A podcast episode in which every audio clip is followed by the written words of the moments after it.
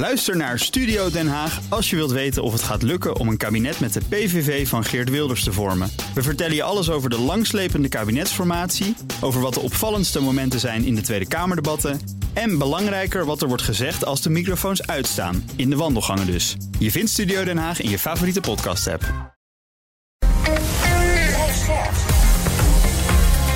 BNR Nieuwsradio. BNR breekt. Ivan Verrips. Goedemorgen en welkom. Vanaf half twaalf praat ik over het nieuws van de dag. Opnieuw geen rooskleurig beeld bij de Belastingdienst. Die organisatie kan namelijk niet achterhalen welke informatie corrupte medewerkers opvragen. En we gaan het hebben over de Floriade in Almere. De floppiade is namelijk klaar en het tekort is opgelopen tot bijna 100 miljoen euro. Is het maar eens klaar met die Floriade? Dat ga ik bespreken met mijn panelleden. Vandaag Werner Schouten, presentator bij BNR Koplopers... directeur bij de Impact Economy Foundation. Goedemorgen. Goedemorgen. Fijn dat je er bent. En Jelmer Becker, voorzitter van Job MBO. Goedemorgen. Goedemorgen. We gaan beginnen met... BNR breekt. Breekijzer. En het breekijzer heeft te maken met de bombardementen... in verschillende grote Oekraïnse steden en regio's deze ochtend. Kiev, Lviv, Dnipro, Zaporizhia, Sumo, um, Kharkiv. Doden en gewonden. En die aanvallen waren in sommige gevallen live op tv te volgen. We saw yesterday uh, that a residential area of the city of Zaporizhia, a major city in the south of the country, very close to the front lines, uh, was hit. Uh, more than a dozen. So Ja, deze verslaggever van de BBC die duikt live weg. Op Twitter ook een indringende video van een Oekraïns meisje... dat al livestreamend getuige was van het inslaan van een raket. Ze zag die raket door de lucht vliegen.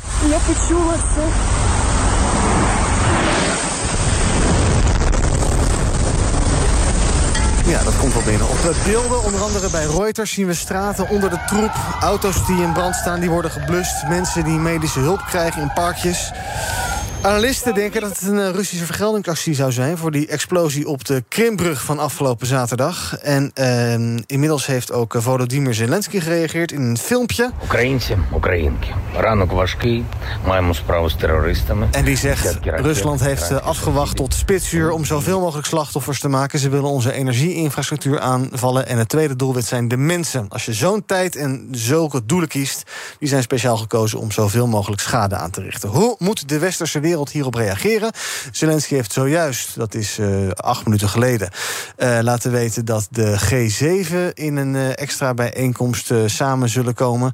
En ook komt zojuist het nieuws binnen dat Rusland en Belarus... waarschijnlijk een gezamenlijke militaire groep gaan vormen... heeft Alexander Lukashenko gezegd. De leider-dictator van de Belarus, Wit-Rusland. we gaan er allemaal over praten, ons breekijzer. Dit is het moment om de steun aan Oekraïne op te voeren. Hoe denk jij erover? Pak je telefoon, bel naar 020 468 4 keer 0 020 468 4 keer 0 Dit is het moment om de steun aan Oekraïne op te voeren. Daar vraagt Oekraïne al heel lang over en, uh, om. En moeten we dat nou maar eens gaan doen. Ik ga erover praten zometeen met mijn panelleden. Ik begin bij Patrick Bolder. Hij is strategisch analist bij het Den Haag Centrum voor Strategische Studies. Goedemorgen, Patrick. Goedemorgen, Iwan. Ja, fijn dat je ja, op, uh, verschrikkelijk wat we hebben gezien. Ja. ja. Uh, en wat is jouw reactie op ons breekijzer? Uh, ja, ik denk dat dit soort acties um, de westerse steun alleen maar meer en meer zal, zal verenigen. En, en het Westen nog meer dan voorheen zal zeggen van ja, maar dit kunnen we echt niet laten gebeuren, weet je.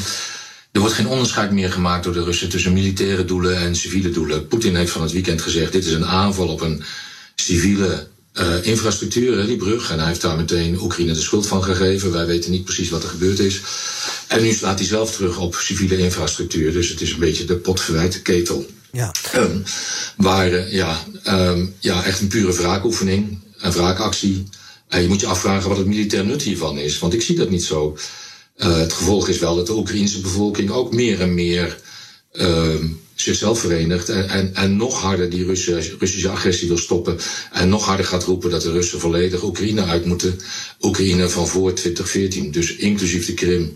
En voor die tijd zal ook Zelensky niet stoppen. Uh, dus het maakt onderhandelingen alleen maar verder en verder weg. Ja, en jij zegt het militair nut is hiervan onduidelijk, want je schiet de boel aan puin. En wat heb je er verder aan? Nou, in, inderdaad, je, je, raakt alleen maar burgers, je raakt geen militaire complexen, je, je, je doet niks aan het uh, voortzettingsvermogen van het Oekraïnse leger. Want in wezen, als je een oorlog voert, dan wil je zorgen dat het voortzettingsvermogen van je tegenstander, of het leger van je tegenstander wordt uh, vernietigd. Ja, daar doen ze helemaal niks aan. Um, het gevolg is alleen maar dat het moreel van de Oekraïners verder en verder zal toenemen. Internationaal zal hier met meer en meer afschuw worden gesproken. Doet. En uh, ja, Poetin wil graag voorhouden dat Rusland vanuit orthodox-christelijke waarden en menselijke uh, argumenten dit moet doen. Hè. Ze hebben de Oekraïnse bevolking al gedehumaniseerd in het begin van de oorlog, gezegd dat het neonazies zijn. Maar ja, wat ze nu zelf laten zien, in wezen is het een herhaling van eerdere zetten. In begin jaren negentig in Tsjetsjenië waren dit soort dingen ook aan de orde van de dag. Burgerinfrastructuur aanvallen. In Syrië is dat gebeurd. Ziekenhuizen, we hebben allemaal die beelden gezien. Uh, terreurbombardementen. En nu doen ze het weer. Het lijkt echt het Russisch militair optreden te zijn. En dat is, ja, ik vind het verschrikkelijk om te zien. Ja, ik heb nog duizend vragen aan je. Die ga ik zo meteen allemaal proberen te stellen. Eerst even een rondje met panel doen. Um, Werner, als jij uh, zo kijkt deze ochtend... dit is het moment om de steun aan Oekraïne op te voeren. Wat denk jij dan? Ja, allereerst denk ik die die video's die gaan door, door merg en benen, als je dat ook ziet. En ook denk ik, het, het, concept, het idee, hè, alle steden over heel Oekraïne zijn geraakt. Dus in geen enkele plek waar je in Oekraïne bent, als je in je thuisland bent, kan je je veilig voelen. Je kan zomaar de volgende zijn. En dat is zo'n fundamentele onzekerheid. Het lijkt me nou, dramatisch. Ik, ik, heb, ja, ik, ik voel voor die mensen. voorstellen. Nee, nee, nee. Ik, ik, ik zoek ook naar woorden op dat vlak. En ja, tegelijkertijd is het natuurlijk evident dat we dat doorgaan moeten gaan met steunen. Maar dit blijkt wel weer een. Ja, eh, op termijn voelt ook weer een herhaling van zetten. Zeg maar hoe bruut Poetin blijkt te zijn. Dat, dat, dat, daar blijf je elke dag weer over verrassen. En die, natuurlijk moeten we steun leveren. Natuurlijk moeten we die veiligheid kunnen garanderen. Dat ze meer van die raketten uit de lucht kunnen schieten. En tegelijkertijd ook zelf uh, meer actief aan de slag kunnen gaan. Maar. Ja, de, de, of er een uitweg is uit deze, uit deze impasse, waarbij je elkaar blijft bestoken tot ver achter de, de linies waar eigenlijk wordt gevochten. Ik, ik zie dat op dit moment echt niet. Nee. Uh, maar wel blijven steunen dus, Jelmer? Ja, ja ik ben het natuurlijk met jullie eens. Uh, maar ja, ik, ja, als ik in de geschiedenis een beetje kijk... Uh, Duitsland in de Tweede Wereldoorlog met een V2-raket op Londen schieten...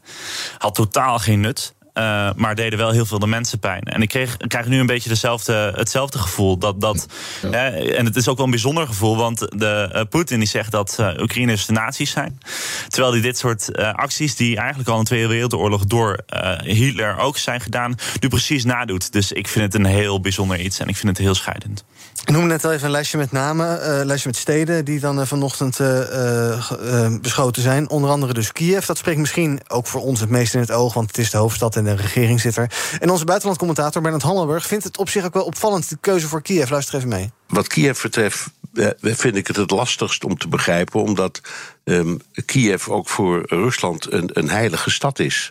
Dat is de plek waar de, uh, de, de Russisch-Orthodoxe Kerk is ontstaan. Um, en ze zijn altijd, ja, zijn door die oorlog heen, ook als daar bombardementen plaatsvonden aan het begin van de oorlog, nooit in het centrum gebeurd. Dus dat, dat is echt heel pijnlijk en ook heel verontrustend. Ja, het is een beetje in de buitenwijken, Patrick. Wat zegt het jou dat, ze, dat, dat nu het centrum ook wordt getroffen? Is dat een kat in het nauw die rare sprongen maakt? Nou, ik begreep dat het centrum al eerder was getroffen. Daar is daar een of andere uh, herdenkingsteken voor het einde van de Tweede Wereldoorlog. Ook tegen natiebewind. En dat is volgens mij al eerder getroffen in de oorlog. Um, ja, je zou zeggen, als je dan toch Kiev probeert te raken, ga dan de regeringsgebouwen en, en het militair hoofdkwartier raken. Maar dat is dus niet voor gekozen. Het is echt puur terreur puur op de burgerbevolking. En wat je net ook al zei in de inleiding, hè, uh, wat Zelensky zei, uh, we wachten totdat het spitsuur is, dat we mensen naar het werk gaan, dat kinderen in de speeltuinen of via de speeltuinen naar school gaan, uh, maximale slachtoffers proberen te bereiken onder de burgerbevolking. Ja, nou ja, wat de vorige sprekers ook al zeiden, het is, het is verbazend, het is ongelooflijk en het is verschrikkelijk. ja, meer kan ik er niet van maken op dit moment. Nee. Als je als het Westen meer wilt doen, wat kan je doen?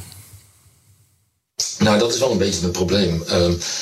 Na 30 jaar ontspanning na de Koude Oorlog, na de val van de muur, zijn de westerse defensieorganisaties behoorlijk uitgekleed. We hebben zelf weinig voorraden. En wat we nu hebben, dat, dat gaat mondjesmaat naar Oekraïne. Um, maar je wil er zelf ook nog wat aanhouden, omdat je je eigen krijgsmacht ook in stand wil houden, juist vanwege die Russische dreiging. Um, ook om je eigen training te kunnen doen, heb je spullen nodig. Maar uh, ja, wat we hebben, dat, dat is ongeveer wel nu naar Oekraïne gegaan. Dat kun je niet heel snel opnieuw maken, want het technisch militair complex, uh, industrieel complex, is ook verkleind in het Westen. En, en, het duurt gewoon heel lang om deze hoogtechnologische spullen te maken. Wat we nog kunnen doen, ja, financiële steun, morele steun. Um, je zou kunnen zeggen, als Rusland nog verder gaat escaleren in de vorm van nucleaire ehm, proefnemingen, want ze hebben al 30 jaar geen, geen nucleaire test meer gedaan. Mm Ze hebben zich gehouden aan de Nuclear Test Ban Treaty. Ehm, dus iedereen heeft ook wel twijfels over wat is nou echt het nucleaire vermogen van Rusland. Ik zou zomaar kunnen voorstellen dat het Veiligheidsdienst, de Veiligheidsraad in Rusland, die vandaag bij elkaar komt, gaat besluiten om eens een nucleaire test te houden. Om te kijken hoe solide is dan die westerse eenheid. Of om de nucleaire status, of om de status van de nucleaire strijdkrachten te verhogen. We hebben dat in maart gezien, dat Shoigu en Gerasimov, die generaals, aan die hele lange tafel zaten, waarbij Poetin boos zei van we moeten de nucleaire status verhogen, dat dat nog verder verhoogd gaat worden. Hm. ja, wat kunnen wij dan doen? Nog meer die eensgezindheid laten tonen. Nou, wat Biden ook vorig weekend verteld, voor het weekend verteld heeft. Um, laat het niet in je hoofd opkomen, want er zal een Armageddon over je heen komen. Mhm. Ja, ik denk toch wel dat dat hele gevaarlijke taal is, maar ook wel taal die belangrijk is om uit te spreken dat er echt wel rode lijnen zijn. Maar tegelijkertijd hebben we toch niet altijd, als het Westen en dan in het bijzonder de Verenigde Staten, alle wensen op het wensenlijstje van uh, Zelensky eigenlijk uh, vervuld. bijvoorbeeld van die lange afstandsraketten, die, die Army Tactical Missile Systems en dergelijke. Daar wilde de, de VS nog niet aan om die te geven aan Oekraïne. Is dit dan een moment waarop zulke zaken wel mogelijk worden, worden gedoneerd aan Oekraïne? Nou, op dit moment nog niet. Um, Biden die doet er alles aan om die escalatie juist uh, te voorkomen, eigenlijk om te deescaleren. Om te zorgen dat Rusland geen verdere redenen heeft om het conflict te verbreden ook naar de westerse landen, naar Europa. Uh, het leveren van, uh, van die attackums, wat je zei, ja, die kunnen 300 kilometer ver schieten. Um, en dat betekent ook dat Oekraïne heel gemakkelijk in de diepte ook Russische doelen zou kunnen raken. Nou, dat wil Biden per se voorkomen. En daarom krijgt Oekraïne die wapens niet. Maar uh, op de lange termijn zou het zomaar kunnen dat in, om de, de strijd om de bevrijding van de Krim, die wel uh, geleverd zouden kunnen worden, uh, die, die aanval op die Krimbrug zou tactisch gezien heel goed in het plaatje passen van Oekraïne. Alleen niet op dit moment. Dat doe je pas als je ook de aanvoerweg over de grond hebt afgesloten. Dus als je Mariupol en Melitopol weer in Oekraïnse handen hebt, dan ga je die Krimbrug bombarderen. Want dan zitten de Russen echt vast op de Krim. En dat zou je kunnen doen met zo'n attackam systeem. Um, ja, nog meer luchtafweer met name zou ik zeggen. Dat, dat is iets wat Oekraïne heel goed kan gebruiken. Van die 75 raketten die er vanochtend in ieder geval al zijn afgeschoten. Raketten en kruisraketten. Um, zijn, is ongeveer de helft uit de lucht gehaald, begreep ik. Nou ja, een luchtafweersysteem is nooit 100% eh, waterdicht. Maar hoe meer luchtafweersystemen er zijn, hoe groter gebied je kunt afdekken en hoe meer veiligheid je kunt bieden aan de Oekraïnse bevolking. Alleen ook die systemen zijn er niet heel veel en ze zijn nog eens ingewikkeld om te bedienen. Ja. Ga je van onze bellers 020 468 4 keer 0 Dit is het moment om de steun aan Oekraïne op te voeren. Meneer Akkas, goedemorgen. Ja, goedemorgen. U spreekt met meneer Akkas. Zeg het maar. Hallo. Hey Ivan, ja, die, uh, die, die Europa, die moet al lang, al lang actionen. Ze, ze zijn veel te laat. En wat doen, wat doen? Wat kan je doen? Nou ja, uh, ja die man is eigenwijs. Poetin, die klopt ook niet in zijn hoofd. Maar mm -hmm. ja, je moet er van alles doen. Ja, je moet alles proberen. Ja, meer, alles. Meer dan... Alle, ja, hij moet gewoon stoppen. Hij wil gewoon Oekraïne hebben. En dat is alles. Dank voor het bellen. Michel, goedemorgen. Hey, goedemorgen. Zeg het maar. Nou, ik uh, vind dat we absoluut niet verder moeten steunen. We moeten ons 100% inzetten op de-escalatie, negotiated peace. Mm. De gevolgen van dit conflict, dat is al uh, bijna niet te overzien. We lopen het risico dat we net als in de Eerste Wereldoorlog... nu een derde wereldoorlog inwandelen. En iedereen zal zich achteraf afvragen van... Goh, hoe zijn we zo ver gekomen? Los van natuurlijk de verschrikkelijke uh, oorlogshandelingen die plaatsvinden. Vrouwen, kinderen, onschuldige mensen, uh, destructie van infrastructuur. Het is gewoon niet te overzien. Maar daarnaast moet nog wat, wat eigenlijk onderbelicht is... de stijging van voedselprijzen, de stijging van de energieprijzen... raakt miljoenen over de hele wereld. In Afrika, in Azië, in Zuid-Amerika. Het gaat leiden tot opstanden. Jongens, dit conflict moet zo snel mogelijk worden beëindigd... om de onderhandelingstafel staken. En waarom moet Oekraïne bij de NAVO... Joh, Zwitserland is toch ook neutraal? Gaat toch prima in het land? Jongens, de-escaleren zo snel mogelijk en geen wapens sturen. Dank voor de bellen. Uh, Marco, goedemorgen. Reageren? Jazeker, mag zo meteen. Marco, goedemorgen. Ja, goedemorgen. Um, um, nou ja, goed. Alles wat hier nu gebeurt is natuurlijk menselijk, is uh, verschrikkelijk. Maar uh, wat ik wel een beetje uh, bijzonder vind, we, zijn, we hebben dat soortzelfde dingen in Syrië. Nou, daar zeggen we een keer van jongens niet doen. en kijken dan de andere kant op. we hebben Tsjetsjenië gehad, hebben hetzelfde.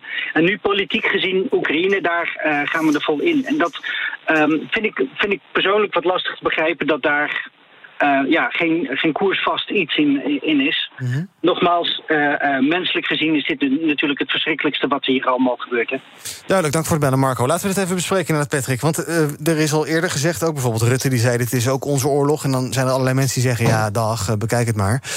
Um, wat, wat, wat vind je van mensen die zeggen... ja, meer wapens gaat de boel niet helpen?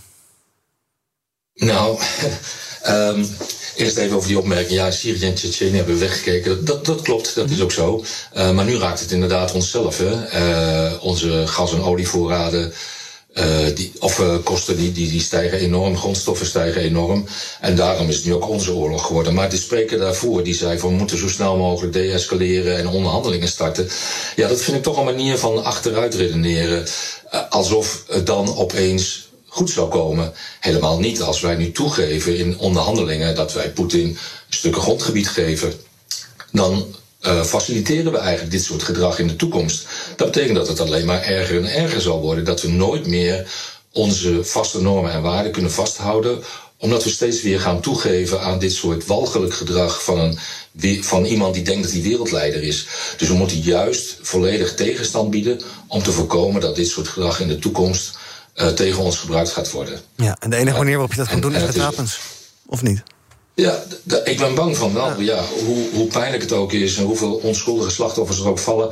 Maar het is Poetins keuze om onschuldige slachtoffers te, te, te maken en niet onze keuze. Het is onze keuze om op een vrije een democratische wijze te leven. En als wij nu inge, uh, toegeven aan Poetin en zijn gedrag gaan goedkeuren daarmee, ja, dan is het einde zoek eigenlijk. Ja, maar wat vind jij van mensen die zeggen: ja, we moeten maar stoppen met die wapens, want uh, het wordt er ook niet mooier van? Nou ja, um, nee, dat is een voorstel dat mensen dat zeggen. Even naar, even naar Jelmer. Ja, ja uh, nou, ik ben ja. met, met, hem eens, want uh, Poetin die, die is een absolute topspeler in dit spelletje. Als je hem geeft, als je hem één vinger geeft, dan pakt hij je hele arm. Dus ik, denk dat het niet wijs is. Ik ben ja, geen geleerde uh, um, oorlogskenner. maar ik, ik denk niet dat als je dit, als je dit half doet dan, of, of je gaat mee in het gedrag en je keurt het goed, dan ga je ja, niet stoppen. Je hebt natuurlijk ook helemaal niet te maken met een rationele operator. Poetin heeft al meer malen aangetoond dat hij gewoon is geen pijl op te trekken op die man. Dus je hebt geen enkel idee wat zijn vervolgstap gaat zijn op, op dat vlak. Dus ja, ik, ik zie niet meer dan een uitweg dan dat op termijn hij ja, op een manier verslagen moet worden. Want anders krijg je altijd deze, deze pressie. Ja, en dat kan nog wel eens jaren gaan duren. Dat gaat zeker tot in 2023 duren. En, en ik zat er ook te denken van... Hey, hoe lang kan de media in Rusland dit volhouden? Uh, steeds meer nieuws komt er toch doorheen. Want ze hebben een hele strakke mediamanipulatie. Maar op een gegeven moment gaan die Russen natuurlijk ook denken van... ja, wat gebeurt hier eigenlijk? Is dit wel humaan? Want ik kan me niet voorstellen dat het hele volk achter Poetin staat. Zeker niet. Um, en ik ben benieuwd in hoe, hoe ver dat op de lange termijn... hoeveel effect dat gaat hebben. En nou, ik denk dat we Poetin niet met een keiharde oorlog gaan verslaan... maar misschien wel van binnen dat het eigen land uh, Poetin weghaalt. Hm. Patrick, laatste woorden um, zijn voor jou. Ja, uh, uh, als je naar die beelden kijkt vanochtend, het stempje verdrietig... en je ziet de mensen in parkjes liggen, gewond en dergelijke. Um, ja, en nu? Ja, en nu? Ja, ja, het enige wat we kunnen doen is, is te voorkomen dat de enige winst is. Poetin, wat, wat we net al zeiden, hè, want anders zouden we dit gedrag gaan goedkeuren eigenlijk. Ja, en dat kan gewoon niet. Dit is dan is het einde zoek. Dan, dan, dan komt hij ermee weg en dan gaat hij het de volgende keer nog een keer proberen. Volgende slachtoffer is dan Georgië, wat al voor een deel bezet is. Transnistrië. En zo zul je zien dat die domino-steentjes langzaam gaan omvallen. De hoop is eigenlijk dat er een soort van paleisrevolutie plaatsvindt in het Kremlin. En ik mhm. begreep al dat de eerste basjes daar plaatsvinden. Betekent niet per se dat er een vriendelijker bewind zal komen. Maar dan is er in ieder geval iemand die kan zeggen van... de oorlog die mijn voorganger begonnen is, is echt een stom idee geweest en ik stop er nu mee. En ja, dat is de enige uitweg die ik op de korte termijn zie. En op de lange termijn, als het niet gebeurt, ja, dan, dan hebben we hier nog wel een poosje last van. Ja. Ik kan het niet mooier maken. Nee, nee nou, het is ook niet mooi. Dank, uh, Patrick Bolder, dat je op uh, korte termijn tijd voor ons kon maken... van het Den Haag Centrum voor Strategische Studies. En uh, ja, ik denk dat hier in de studio en ook aan de, bij Patrick... ja, dat dit eens zijn met de stelling... het moment om de steun aan Oekraïne op te voeren. Ik weet eigenlijk niet of we deze ook op Instagram hebben gezet... want we hadden bedacht vanochtend om het over iets heel anders te hebben... namelijk over de Nederlandse spoorwegen. Daar hebben we het zo meteen nog wel eventjes over... in het tweede deel van BNR Breekt. maar dit onderwerp eindigen we hier en uiteraard houden we het nieuws voor in de gaten. Als er iets te melden is, hoor je dat uh, nu of later deze ochtend... of wanneer dat relevant is, uiteraard op BNR... en ook te volgen op bnr.nl. Zometeen dus ander nieuws van de dag. De chaos bij de Nederlandse spoorwegen. En dat het bij de Belastingdienst wel erg makkelijk lijkt te zijn... om nou, een beetje rond te snuffelen in bestanden van mensen... wat data mee te nemen en niemand die het weet. Hoe handig is dat? Niet zo. Tot zo. Bij BNR ben je altijd als eerste op de hoogte van het laatste nieuws. Luister dagelijks live via internet. Bas van Werven. En heel langzaam komt de zon op rond dit tijdstip. Je krijgt inzicht in de dag die komt op BNR, het Binnenhof in Nederland en de rest van de wereld. De Ochtendspits. Voor de beste start van je werkdag. Blijf scherp en mis niets. Blijf scherp. BNR Nieuwsradio. BNR breekt. Ivan Verrips. Welkom terug. In mijn panel vandaag Jelmer Becker, voorzitter van Job MBO... en Werner Schouten, presentator van BNR Koplopers... en directeur van de, help me even... Impact Economy Foundation. Dat was hem, dankjewel. Um, we gaan praten over het nieuws van de dag. Laten we eventjes beginnen bij de Nederlandse spoorwegen. Ja, daar gaat het al een tijdje niet zo best. Um, afgelopen tijd uh, ja, zien we bijvoorbeeld via volletreinen.nl... dat is een meldpunt, dat er vorige maand 1824 klachten binnenkwamen... over te volle treinen. En ja, treinen zitten weer ram en ram vol. De dienstregeling is wat uitgedund en dat komt door personeelstekorten. De NS rijdt met kortere treinen. Ook niet zo handig zou je denken. Maar ja, ze zeggen, als we met langere treinen rijden... dan moet er een extra conducteur bij. En die hebben we juist niet. En de vooruitzichten zijn ook niet bepaald rooskleurig. De topman van NS, Bert Groenewegen... die voorspelde in een filmpje aan personeel... zei hij van ja, misschien dat we nog wel verder moeten gaan afschalen. En dan denk ik, ja, afschalen, um, dat is makkelijk. Maar bijschalen daarna, dat wordt weer veel ingewikkelder. We zitten hier met twee mensen uh, van wie uh, trein toch iets is... ja, het gaat jullie aan het hart, denk ik. Ja, Zeker. Jelmer, ja. Uh, Jelmer, wellicht vanuit uh, nou, veel mbo'ers die uh, gebruik maken van de trein. Zeker. Vanuit duurzaamheidsoverweging is de trein ook een interessant alternatief. Zeker. Ja. En nu lijkt het toch wel, nou ik zal niet zeggen einde verhaal met de trein... maar het gaat niet de goede kant op. Nee, dat is doodzonde ja. natuurlijk. Als je mensen nu de auto in zou jagen door de onzekerheid... maar ook door, door het feit dat er dus minder treinen kunnen rijden. Um, dus ja, enerzijds zou je kunnen zeggen... van je kan met minder conducteurs per trein rijden... maar dat doet misschien ook wat met de veiligheid. Uh -huh. Maar dat leidt er wel op dat je leidt er wel toe dat je met een stuk meer treinen kunt rijden. Daar willen ze nog niet aan. Maar ik denk dat het wel onconventionele maatregelen zijn... die nu op tafel moeten komen... Uh, om dat daadwerkelijk te gaan doen. Ja, ik geloof dat andere vervoerders in Nederland dat al wel doen. Die rijden wel zonder conducteurs, maar dat zijn dan waarschijnlijk wat kortere lijntjes en dergelijke. Um, ja, MBO'ers die staan lekker als. En trouwens ook HBO'ers en BO'ers. Uh, en, en, mensen die naar kantoor gaan. En iedereen ja. gewoon lekker als haringen. Je bent hier geloof ik vanochtend ook als een haring ja, in het tonnetje heen gegaan. Hè? Ja, ik, ik moest uh, naar Den Haag en ik ja. uh, stapte de trein in. En nou, er stond een grotere trein. En toen kwam er een kleinere, eigenlijk de helft kwam eraan. Nou ja, we stonden in Sardientjes, stonden we.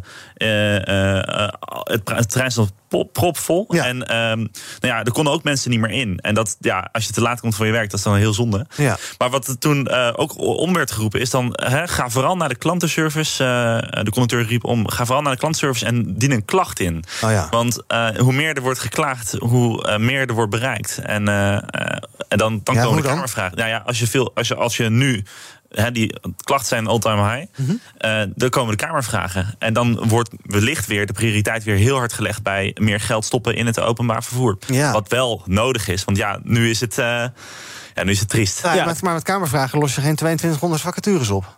Nee, klopt. Kijk, dit is natuurlijk denk ik ook een, een, een deelgevolg van wat we bij de coronacrisis hebben gedaan. We hebben heel veel bedrijven overeind gehouden, waardoor er nu heel veel eigenlijk zombiebedrijven bestaan, die eigenlijk helemaal niet rond kunnen komen, maar als gevolg van al die steun toch nog in leven zijn, die heel veel ja, banen houden, uh, mensen eigenlijk in dienst houden. Wij zouden zeggen, ja, moeten we uh, daar niet naar kijken om ervoor te zorgen dat er ja, veel meer mensen uh, ook beschikbaar kunnen zijn om op die treinen te zitten. Ja. En wat interessant is, een, een land als Japan, die heeft al decennia uitdaging met dit. Ook mee, vanwege vergrijzende bevolking. Dus mm -hmm. op de lange termijn doen die nu proeven met bijvoorbeeld uh, treinen zonder machinist. Bijvoorbeeld. De, Ja. de zelfrijdende treinen. Nou, dat zijn ook zaken die in Nederland bespreekbaar zou kunnen maken. Maar dat is meer op de lange termijn natuurlijk. Ja. waren de Nederlandse spoorwegen niet eigenlijk ook zo'n eh, zombiebedrijf in de coronapandemie? Want die hebben ook voor honderden miljoenen gesteund. Zodat ze lekker konden blijven rijden met lege treinen. Waar sloeg dat eigenlijk op? Nou, volgens mij is het wel duidelijk dat zij, uh, uh, zeker voor de crisis, was er al een groot tekort aan capaciteit. Dus dan weet je dat er na de crisis eigenlijk dat ook weer gaat komen. En je weet dat die vraag naar trein uh, bestaat en steeds groter gaat worden. Ja, dus nou, het heeft, lekker, dat geen... heeft lekker geholpen. We zitten in de situatie waar we nu zijn. Klopt, zeker. Dat is uitdaging. Maar dat betekent dus je de NS zou je sowieso overeind moeten houden. Het is geen zombiebedrijf dat niet uit kan. Ja, want er, er, is geen alternatief. Je kan niet zeggen, we gaan alweer terug naar de auto's. Want als je dat doet, ja, dan, dan zijn wij uh, dat is helemaal klaar. Ja. Aan de andere kant, als ik nu aan een baan zou gaan beginnen... ik kom net van een opleiding af en ik ga aan de arbeidsmarkt beginnen... en ik moet kiezen of ik ga elke dag met de trein... of ik koop een tweedehands auto voor een paar honderd euro. Ik zou het wel weten. Ja, nee, ja dat zou, dat zou uh, een hele nare gedachte zijn. Ja. Uh, als Nederland willen we juist uh, meer het OV promoten. Het is heel belangrijk ook voor de studenten dat zij goed naar, naar hun opleiding kunnen komen. En ja, daarvoor zei ik al, er moet meer aandacht voor. Er moet en vooral meer geld. daar gaat het om. Um, we kunnen allemaal wel weer zeggen, oh, het OV is belangrijk, maar er, er moet wat gedaan worden. Hm. En ja, je, je, kan gewoon meer investeren. Dat zijn keuzes en die keuzes moeten we maken. Laatste weetje wat ik jullie nog even wil voorleggen meer marktwerking op het spoor. Ik geloof dat er ook wel uh, uh, bewegingen die kant op zijn... Ja. waar NS zichzelf ook zorgen, zich zorgen om maakt, logisch.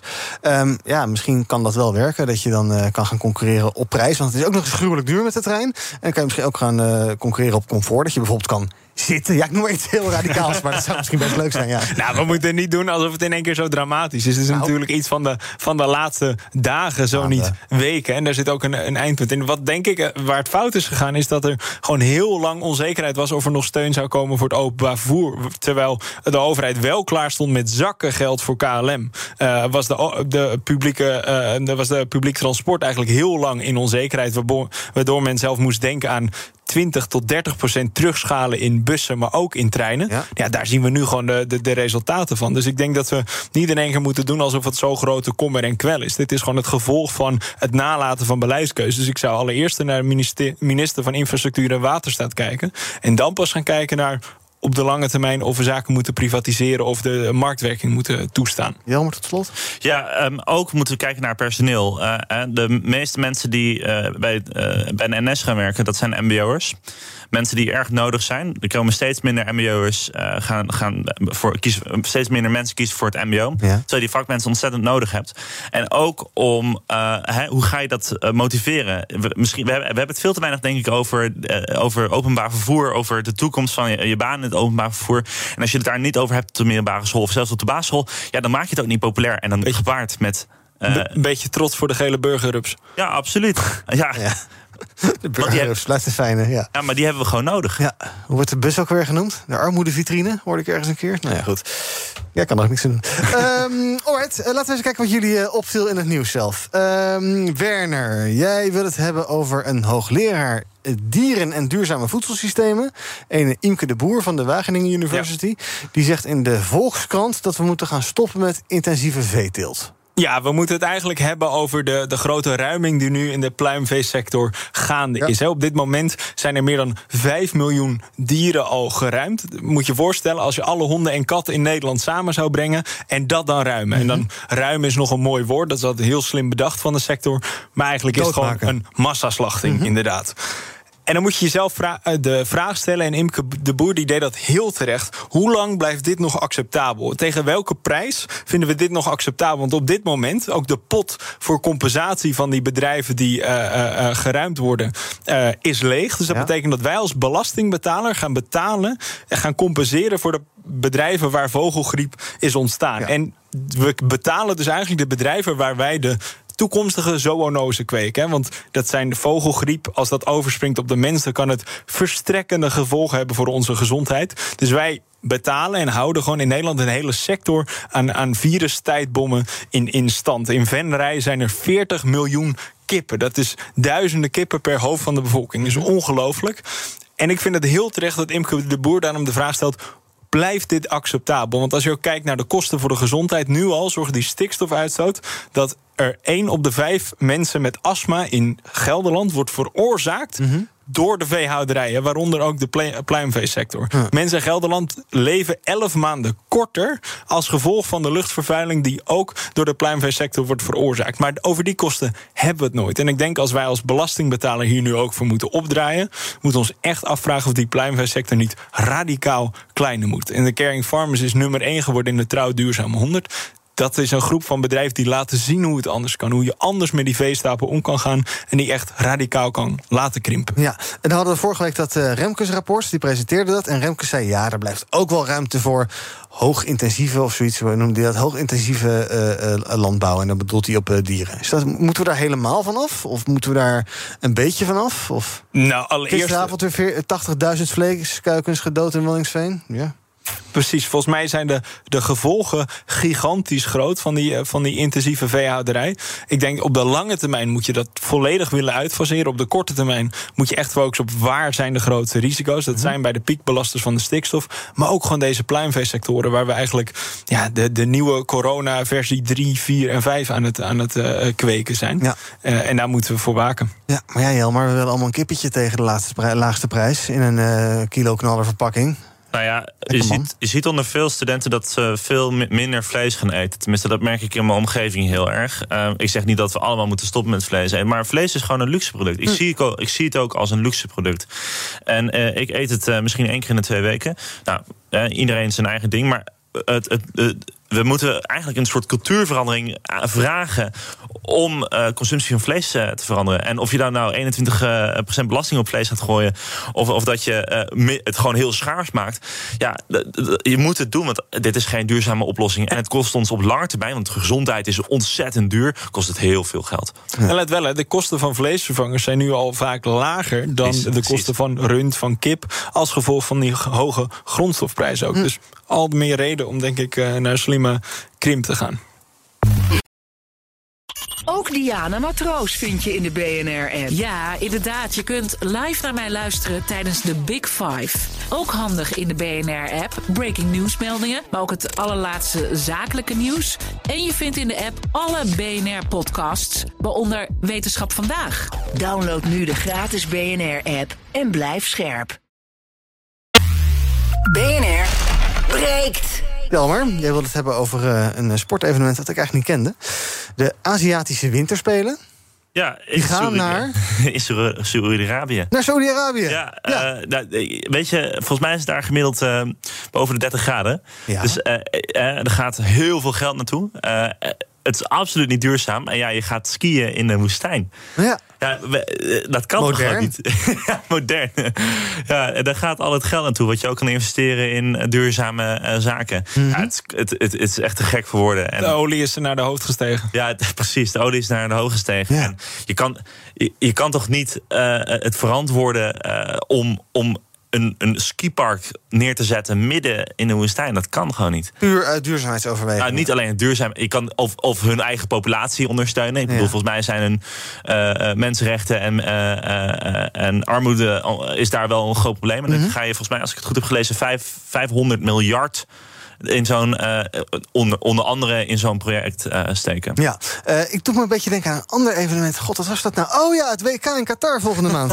ik dacht wel dat we daar wel een soort van geleerd hadden van... ja, god, dat willen we misschien niet meer naar dat soort landen. Nou, nee. nee. ja, kijk, maar dat maakt ze in Azië wat minder uit. Eh, maar ze- ja, het, het geld. als Ja. jij een organisatie, als jij een bepaalde personen heel veel geld geeft en die stemmen dan voor jou om te zorgen dat het, eh, ehm, om, dat het in jouw land komt, ja, Ja. dan, dan, dan, dan gaat het niet veranderen als dat, nog, als dat mogelijk blijft. En Ja. ik denk dat het hier hetzelfde is. Degene die het meeste geld heeft, die heeft het meeste te zeggen. En Ja. eh, nou, misschien moeten we daar een keer anders naar gaan Ja, kijken. dit is ook niet ge- georganiseerd door het IOC. Hè. Dit is eh sec van die Azi- Aziatische landen. Maar dit is natuurlijk je Rijnse sportswashing. In Saudi-Arabië, vooral ook die, die prins daar... die doet er alles aan om eigenlijk hun land meer geaccepteerd te krijgen... door allemaal van die grote sports-events, golf-events... maar dus ook Aziatische winter games naar een land te halen. En tegelijkertijd een beetje te verbloemen... wat er daadwerkelijk gebeurt met de mensenrechten...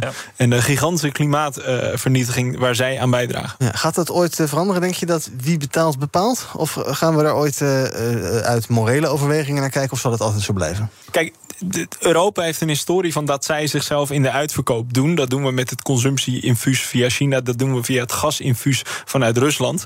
Ehm, als wij nou eens meer gaan staan voor wat wij uitdragen, namelijk een, een liberale democratie, samen met een fatsoenlijke rechtsstaat en mensenrechten in Europa, en daarachter blijven staan, dan kan je heel goed met een hele grote markt ook weerstand bieden tegen zulke sportswashing evenementen. Maar ja, momenteel hebben we ruggengraten van rubber op dat vlak. Eh, ehm, en daar mogen we best wel eens wat, eh, wat standvastiger in zijn. Dus ik denk wel lekker een beetje verkoeling als je in Saudi-Arabië bent. Ja, hou op, hou op. Nee, eh, eh, nee eh, eh, ja, en het kan ook. Hè. Dat laten we ook zien bijvoorbeeld met eh, dat eh, USB-C-verhaal van eh, Brussel. Ja, ze hebben er gewoon voor gezorgd dat eh, iedere, ieder draadje of iedere eh, mobiel apparaat moet gewoon een USB-C-aansluiting hebben. En Ik ga als- kom, kom erwtensoep in Saudi-Arabië. Heerlijk in zijn eigen skihal. Koek en zoopie. Gluwijntje erbij. Ja, precies. Ja. Nou ja, je kan ook gewoon heel goed een kluurwijntje drinken zonder dat je een skipark bouwt. Volgens mij eh, kan dat ook gewoon. Hè, maar, ja. Nou, oké.